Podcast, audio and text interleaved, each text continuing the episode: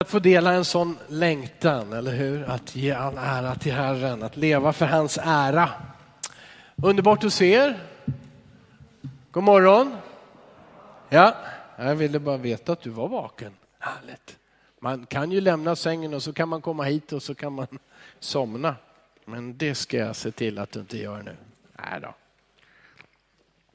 Hörrni, det är eh, fantastiskt att få vara här, fantastiskt att få veta eftersom min familj, mina barn är på Nyhemsveckan, eh, att det är, det är så mycket ungdomar där att Rut seriöst sa till mig på telefonen i morse, jag är inte säker på att alla vuxna som kommer på måndag till Nyhemsveckan får plats i Nyhemshallen som ändå rymmer en hel del. Så det är väl, tycker jag, häftigt.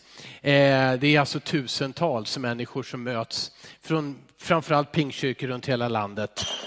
Södra Sverige ska jag säga, får inte glömma bort Lapplandsveckan om två veckor. Eh, men i alla fall så, så dit kommer jag också åka. Eh, vill bli uppbyggd utav det även om det är väldigt kallt i Nyhem. Så det blir, man åker, åker inte dit för solen och värmen.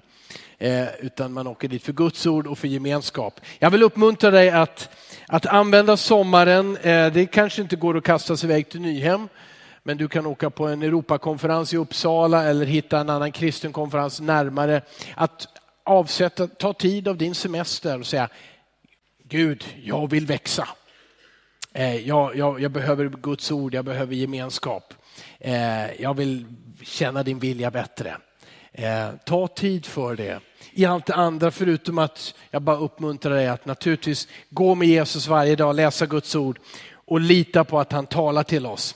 Jag vill predika ifrån Markus evangeliet igen om Jesus, den tjänande kungen. Han som är kung men som kom för att tjäna. Och jag försöker att predika vers för vers genom Markus evangeliet. Eh, sen blir det lite andra predikningar emellanåt. Det var naturligtvis med anledning av pingsten och så vidare. Så att nu kommer vi tillbaka lite grann till påskens händelser. För det är ju inte, det är inte varken ditt eller mitt fel. Jag tror att det finns 89 kapitel i de fyra evangelierna. Eh, fyra stycken av dem handlar om Jesu liv från 0 till 30. Bara fyra av de 89. Eh, så ska vi se om jag kommer ihåg här nu då. Ja, men sen är det nästan hälften av de övriga handlar om den sista veckan i Jesu liv och framför allt om fredagen då han dog. Så att, att, när man ska predika sig igenom, då är liksom påsken i vår almanacka, den är alldeles för kort. Om man ska komma igenom hela påskens berättelse. Eh, nu hoppar jag över en eh, berättelse här i Markus och lovar att komma tillbaka till den om två veckor. Det är den första nattvarden. Så det har hänt precis innan det som vi kommer att läsa nu så har Jesus instiftat den första nattvarden, den här sista måltiden. Och jag tycker att det passar bra om två veckor då vi också firar nattvard i gudstjänsten att få predika utifrån det stället då. Så istället så hamnar vi idag, denna vackra sommardag, på när Jesus förutsäger Petrus förnekelse. Att Petrus ska förneka sin Herre. Och det är i Markus kapitel 14. Jag läser vers 26 till 31. Som jag sa så lämnar de det övre rummet där de har där Jesus har instiftat nattvarden, de har firat den judiska påskmåltiden passa tillsammans. Vers 26 står det, när de sen hade sjungit lovsången gick de ut till Olivberget. Jesus sa till dem, ni kommer alla att överge mig. Det står skrivet, jag ska slå herden och fåren ska, och fåren ska skingras. Men när jag har uppstått ska jag gå före er till Galileen. Då sa Petrus till honom, även om alla andra överger dig så ska jag inte göra det. Jesus svarade, jag säger dig sanningen, just denna natt, innan tuppen gal två gånger, kommer du att tre gånger förneka mig.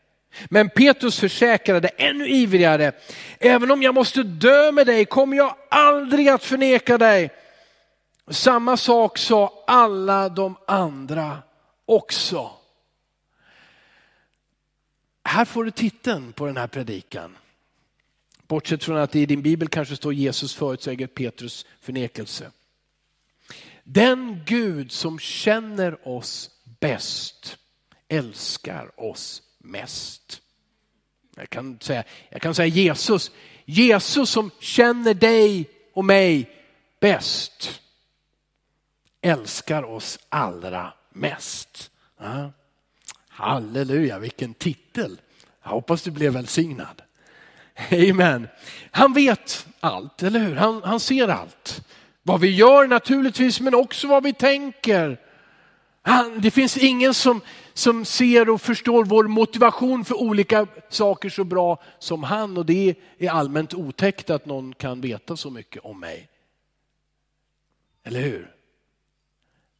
Men han älskar dig och mig också allra mest. Det finns ingen som älskar dig så som han gör.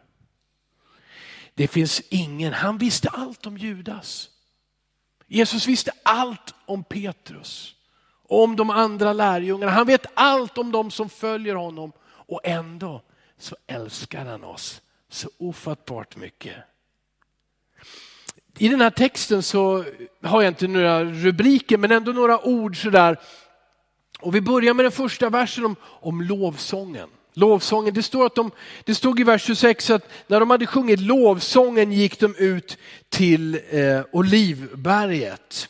Och under den här eh, judiska Pesach eller passamåltiden, påskmåltiden, så, så sjöng man, man åt och drack och man sjöng flera sånger.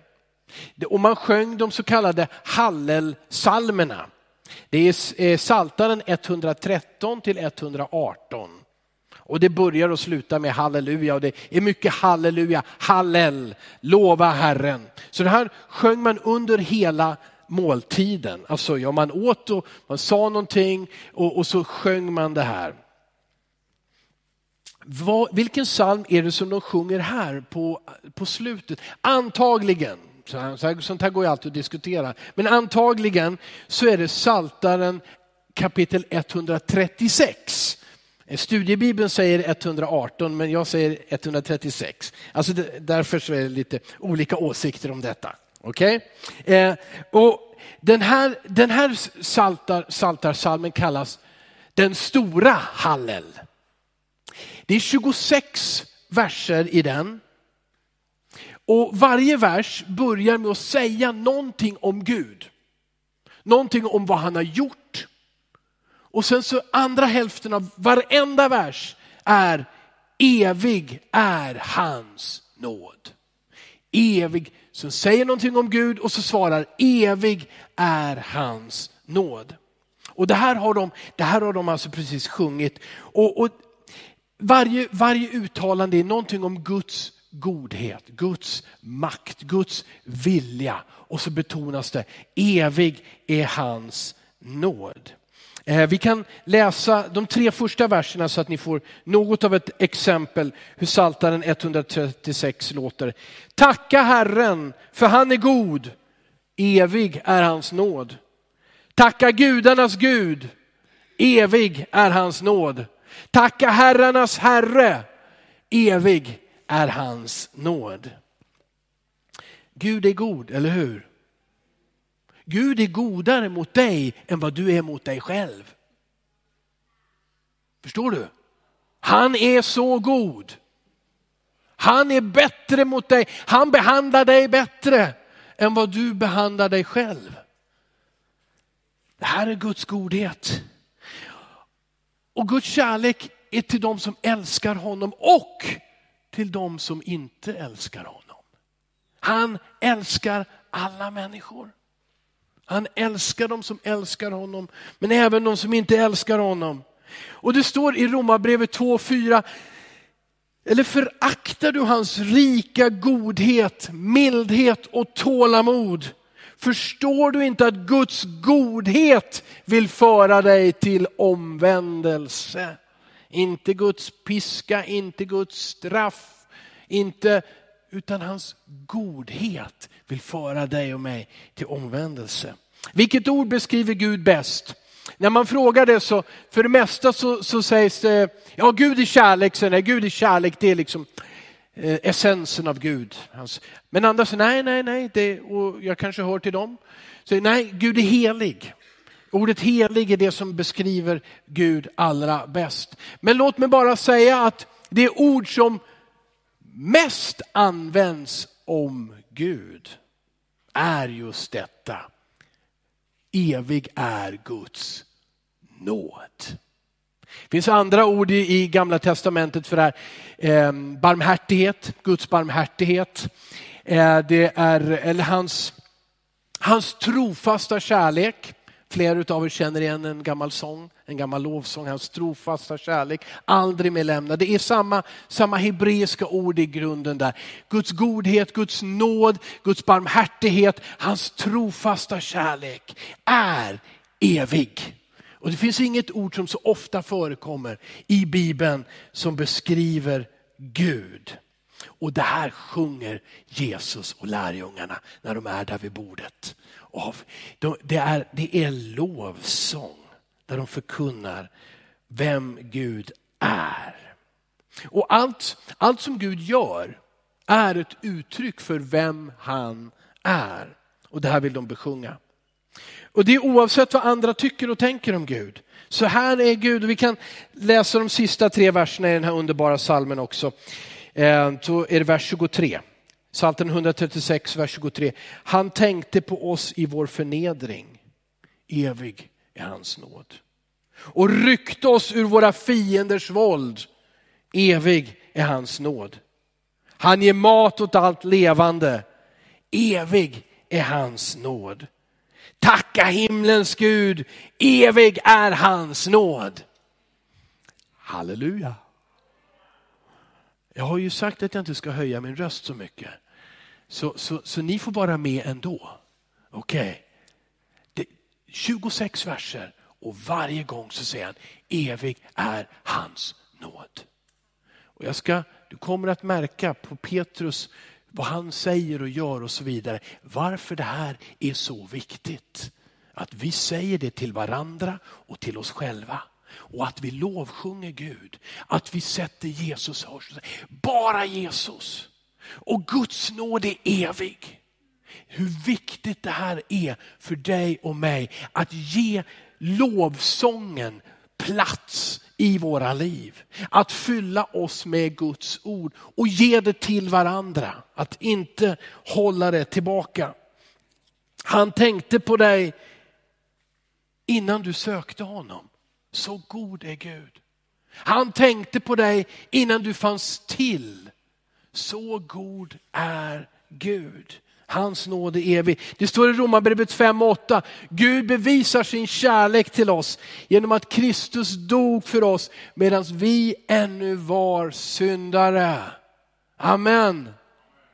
Han väntade inte på våra förbättringsförsök och att skärpa oss och så vaknade han upp för vem du är.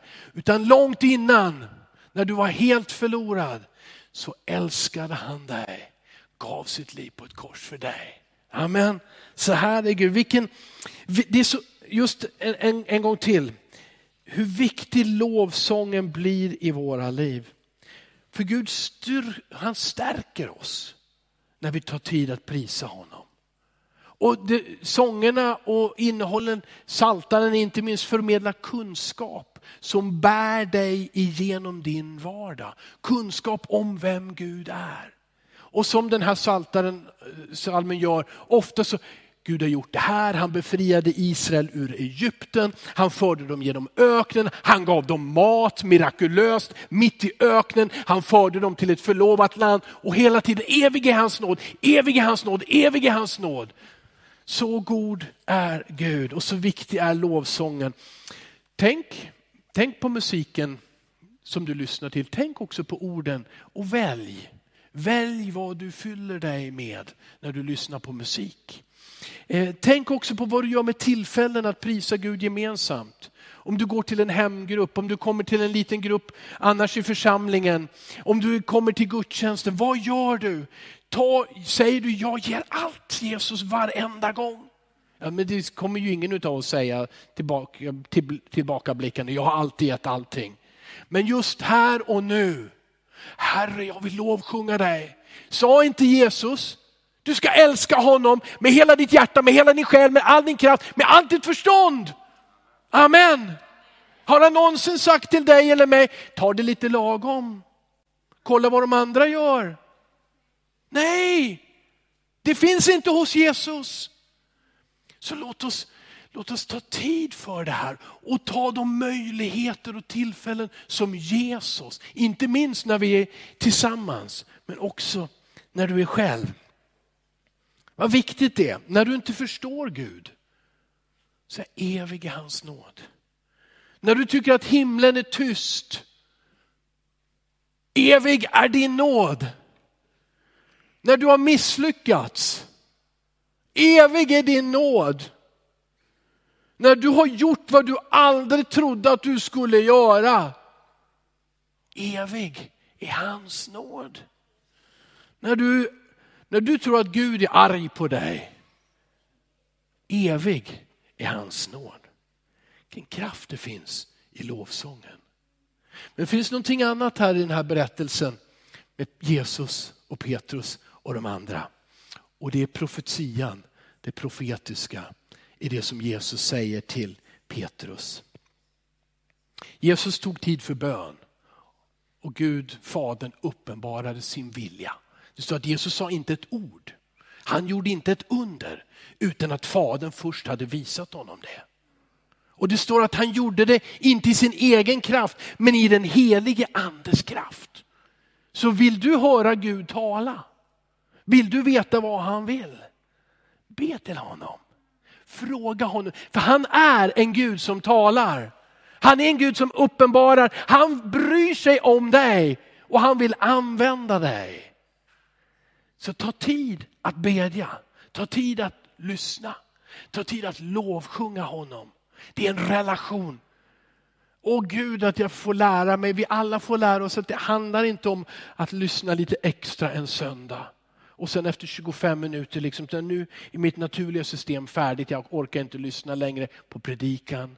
Nu, nu sjunger de för många lovsånger eller upprepar den. Nej, använd tiden. Sök Herren av hela ditt hjärta. Och Jesus ger ja, han, han ger lärjungarna, framförallt Petrus, men ja alla är ju där. Han ger dem fem stycken insikter eller kunskap om saker som kommer att hända de närmaste timmarna och den närmsta tiden. Det här är det profetiska. Och då, då är vi tillbaka då i Markus eh, och vi läser från vers 27 igen. Det första Jesus säger, tänk att han säger det, härlig lovsång. Och så säger han, ni kommer alla att överge mig. Det var inget fint budskap. Det var inte, det var inte så här typiskt Kalle, kom igen nu gör vi det här tillsammans. Han sa, han sa snarare, dit jag går, dit kan ni inte gå. Jag ska dö på korset. Ni, ni ska överge mig. Alla, säger han. Det här är det första som Jesus säger. Och det är ett starkt ord, det här överge. Det, det är skandalizo på grekiska. Känner du igen ordet skandal, skandalizo? Ni kommer att ta anstöt av mig. Ni kommer att vilja skilja er ifrån mig. Och det här är helt De har sjungit lovsång efter att ha vandrat med Jesus i tre år. Och vad Jesus pratar är, det här är, på, det här är ju på, sent på torsdagskvällen. Han pratar om det som kommer hända om sex, sju timmar. Härligt lovsångsmöte grabbar. Ni kommer alla överge mig i natt. All right. det här, men det här säger Jesus. Han säger det av omsorg. Han säger det för att väcka. Han säger det för att varna. Han säger det för att förklara, för att när de så småningom äntligen vaknar, för de har ju varit med Jesus som sovande nästan i tre år delvis. De vaknar liksom inte. Men de kommer att förstå det här och Jesus vet det. Så han säger, ni kommer alla att överge mig. Och det andra som han säger, det står skrivet, jag ska slå herden och fåren ska skingras. Citerar han Sakarja kapitel 13 här. Och det här är en nyckel också för oss, det här är profetiskt. Jesus visste vad Guds vilja var eftersom han läste Guds ord. Så vill du bli använd i det profetiska och vill du förstå vad som är Guds vilja, läs Guds ord. Och nu citerar Jesus profeten Sakarja och i princip så säger han så här, Gud kommer att slå Gud. Gud fadern kommer att slå Gud sonen. Det, det är så det står. Det är så.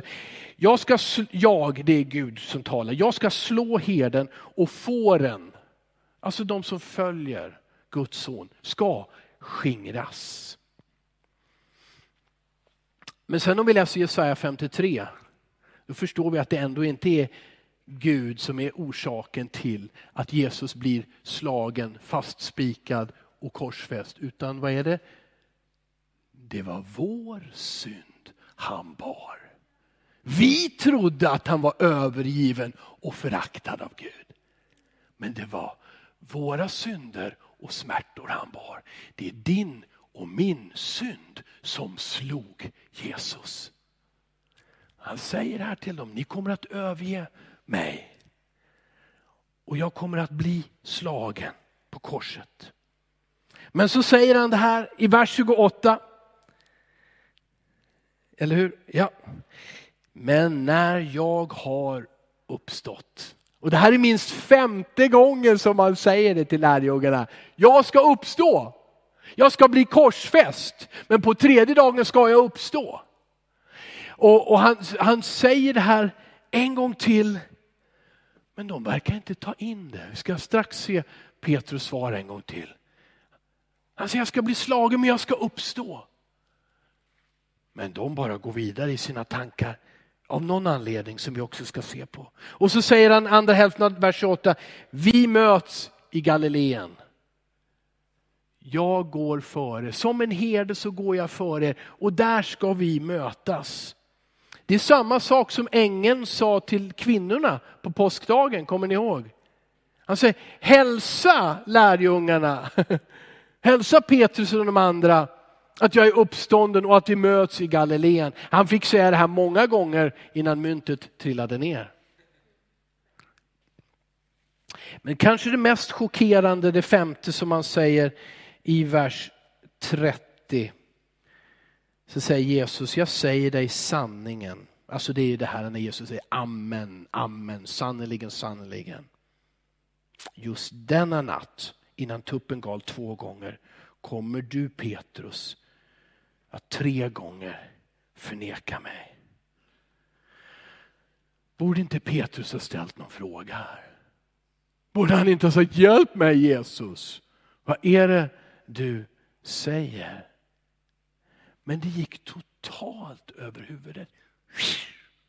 Vad Jesus säger, det flyger förbi. Det går inte in, varken i öronen och absolut inte i hjärtat. Är det ibland likadant med oss?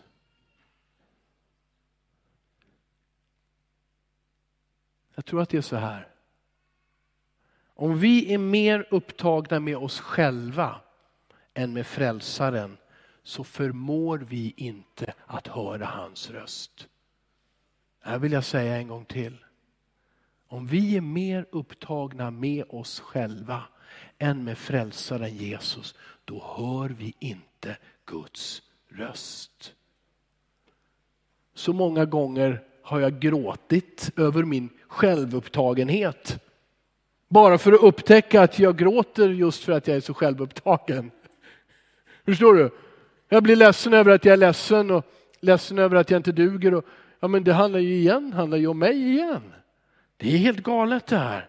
Det handlar bara om en person, det handlar om Jesus Kristus. Ja, det är inte bara en sång, bara Jesus. Det handlar bara om Jesus. Och det är det vi behöver ta in, att det handlar om honom och inte om mig och inte om dig. Jesus. Och det finns tider när himlen verkar vara så tyst och jag vet inte vad Gud vill och jag hör ingenting. Men det, då ska vi inte ge upp.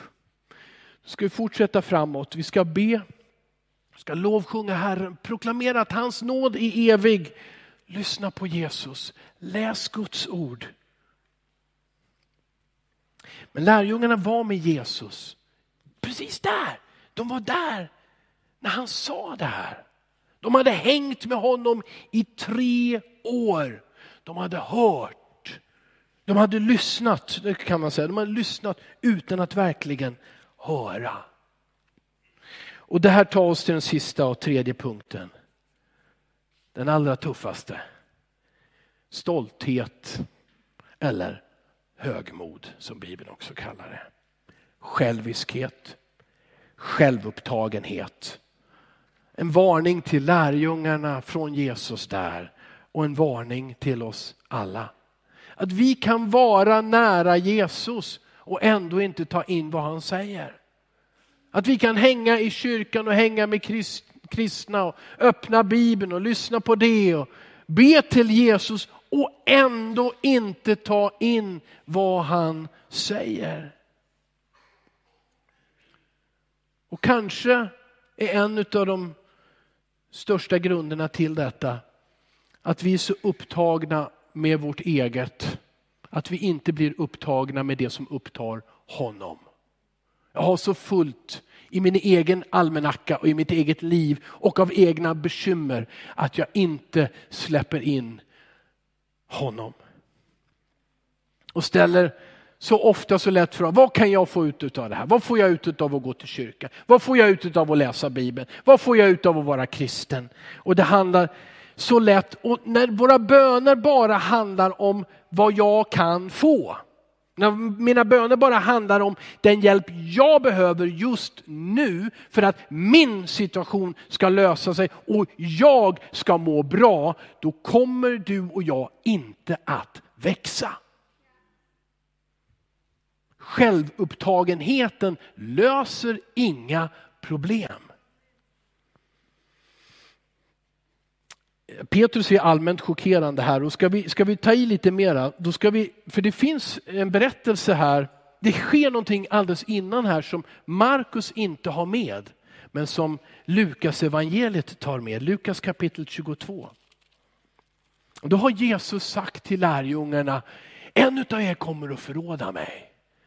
Och de bara, åh inte, inte jag va, det är inte jag. Och det börjar liksom, det är inte jag, men så övergår det till att jag skulle aldrig svika dig Jesus. Och det står om man läser kapitel 22, vers 24. Det uppstod också en dispyt bland dem om vem som skulle anses vara störst av dem. Det här är påskmåltiden, den första nattvarden. Och Jesus vill precis tala om för dem att han ska bli korsfäst. Men de är väldigt självupptagna, eller hur?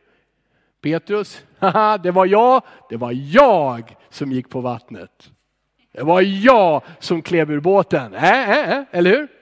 Det var jag som var den första att säga Jesus du är Messias, den levande guden, det var jag. Och Johannes, han älskar mig mest. Spelar ingen roll vad du säger Petrus, han älskar mig mest, sa Johannes. Eller hur gick det till? Men det står en dispyt och det handlar om vem som är störst. Blir man inte förtvivlad utav hur människor är? Och där säger Jesus, jag ska dö på ett kors. Ja, det är bra Jesus, men jag är viktigast. Jag ska utlämnas till hedningarna, de ska kors, de ska, de ska tortera mig, döda mig. Ja, du fixar det Jesus. Du Petrus, alltså, är det, är det du eller jag som ska bestämma efter det här? Alltså det han, förstår, de tar inte in vad Jesus säger. Ingen bryr sig om honom. Han har kommit för att frälsa världen. Men, nej, men det är du och jag. Alltså, ja. Vem är störst och bäst? Och då, när vi läser kvar i Lukas 22, i vers 31. Då kallar Jesus Petrus vid hans gamla namn. Kommer ni ihåg? Jesus hade sagt till Simon, du är Petrus, alltså klippan på dig. Men på grund, jag tror att det är på grund av att, att, att Petrus så totalt agerar utifrån sitt gamla jag. Så säger Jesus Simon, och inte bara en gång, Simon, Simon, säger han. Satan har begärt att få sålla er som vet Åh min store tid. Det här är ett starkt ord. Satan har begärt. Påminner kanske för den som har läst Jobb i gamla testamentet om att åklagaren kom inför Gud och begärde att få testa och pröva Jobs tro. För det gick så bra för Jobb och Satan sa att det är lätt att tro på Gud om allting går bra. Men låt mig plocka bort lite bekvämligheter ur Jobs liv så får vi se om han fortfarande prisar dig. Men Jobb slutade aldrig prisa Herren, tack och lov. Eh, och Gud återupprättade Jobb. Men här kommer Satan och säger, jag har, Satan, eh, som Jesus säger, Satan har begärt att få sålla er som vete. Sålla någon som vete, det, jag är ju absolut inte lantbrukare, men det är liksom tanken av att slänga, du, du slår på vetet, kornen och du liksom, låt, slänger upp det och så faller det ner och då skiljs vetekornen som är lite tyngre från agnarna, det här som omsluter vetekornen, då blåser det bort va? och så faller det där till marken. Alla lantbrukare får tillrättavisa mig efteråt, men, men, men det, det, liksom, det, det är den här, ungefär den här tanken. Va? Alltså någonting, det som inte är, kan bli mjöl, det som inte kan bli någonting måste tas bort. Det här kan inte ske om Gud inte tillåter det. Det är därför det står Satan har begärt. Jesus måste ge tillåtelse. Ja, ger han tillåtelse till det? Ja, han gör det. Jesus ger Satan tillåtelse att pröva Petrus och lärjungarna. Varför? Jo, för att hjälpa dem. Att inte bygga deras liv och deras tro på deras egen stolthet på deras egna goda gärningar och prestationer utan bara på Guds nåd. Han tillåter prövning för att vi ska växa, lära oss att lita på honom, bli uthålliga och ibland bara för att väcka oss, för att varna oss. Hallå! Vart är du på väg nu? Vakna av omsorg. Och så säger Petrus det här och jag är tillbaka i Markus evangeliet, eller hur?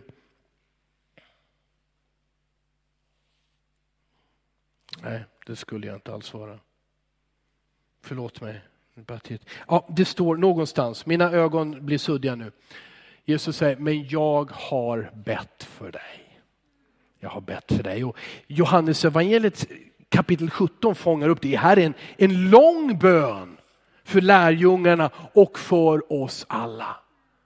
Vad kan vara bättre?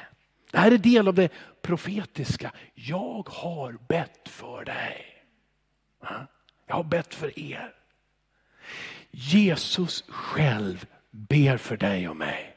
Han tillåter prövningar för att vi ska lära känna honom som han verkligen är.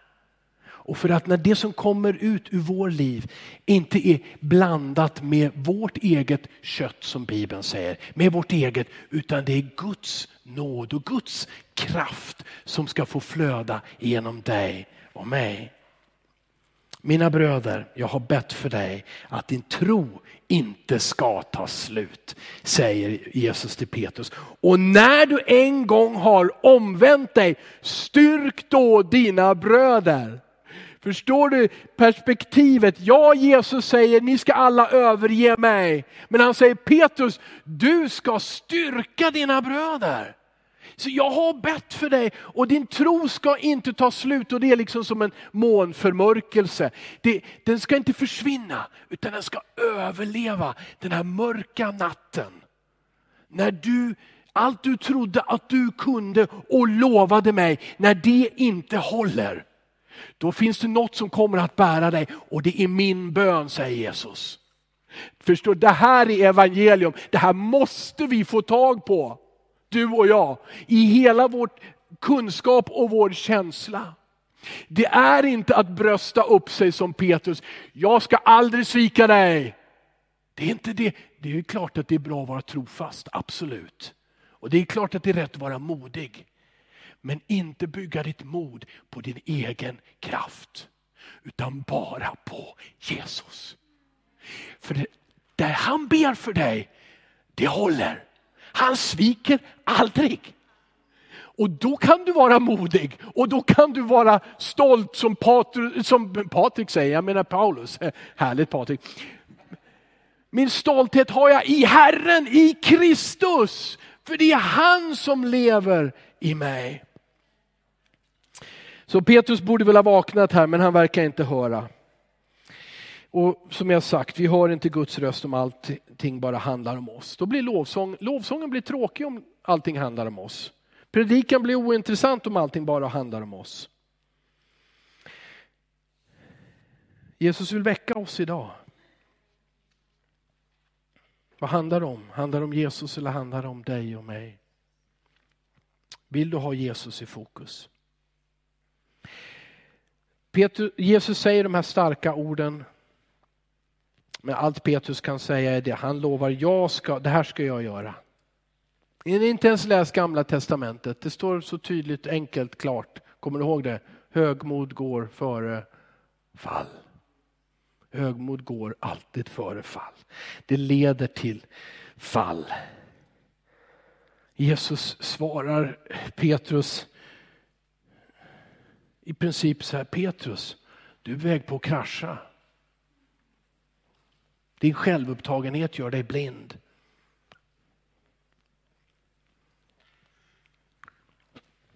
Finns det, finns det plats för Jesus i våra liv? Jesus säger till Petrus, det blir inget litet misstag Petrus. Det här blir tre gånger. Inte bara Petrus, det står att alla de andra också. Så vi behöver inte bara svartmåla Petrus här. Och visst är det patetiskt, några timmar senare, en tolvårig flicka kanske, en ung flicka. Är du en av dem? Nej, säger Petrus. Till en ung tjej, ett barn. Nej, jag känner inte honom. Alla hade flytt. Och när tuppen gal, gol, då grät Petrus. Men tänk att Jesus älskade honom ändå. Jesus älskade Petrus. Jesus älskade lärjungarna. Han visste vad som skulle ske och han älskade. Jesus såg misslyckandet, sveket, flykten, fegheten. Han såg det, men han älskade ändå. Som Paulus skriver, förstår du inte att Guds godhet vill leda dig till omvändelse. Stolthet försvinner inte av att vara mycket i kyrkan. Stolthet försvinner inte av att hänga med Jesus, inte ens det. Stoltheten lyckas gömma sig, till och med i Jesu närhet. Även om Jesus ser oss och känner oss. Det finns bara en sak som hjälper och det är omvändelse. Ju ärligare och ju radikalare, ju oftare, desto bättre. Radikal omvändelse från mitt eget ego till Jesus Kristus. Det är det som hjälper. Att sluta och gömma det. Och inse att om alla lärjungarna var högmodiga och stolta och kunde svika Jesus. Ja, i mitt kött utan Gud så kan jag också det. Men jag erkänner det och jag ger det till Jesus. För vem av oss vill vara kristen och gå igenom livet och säga, jag har ingen aning om vad Guds vilja är. Jag hör aldrig Guds röst.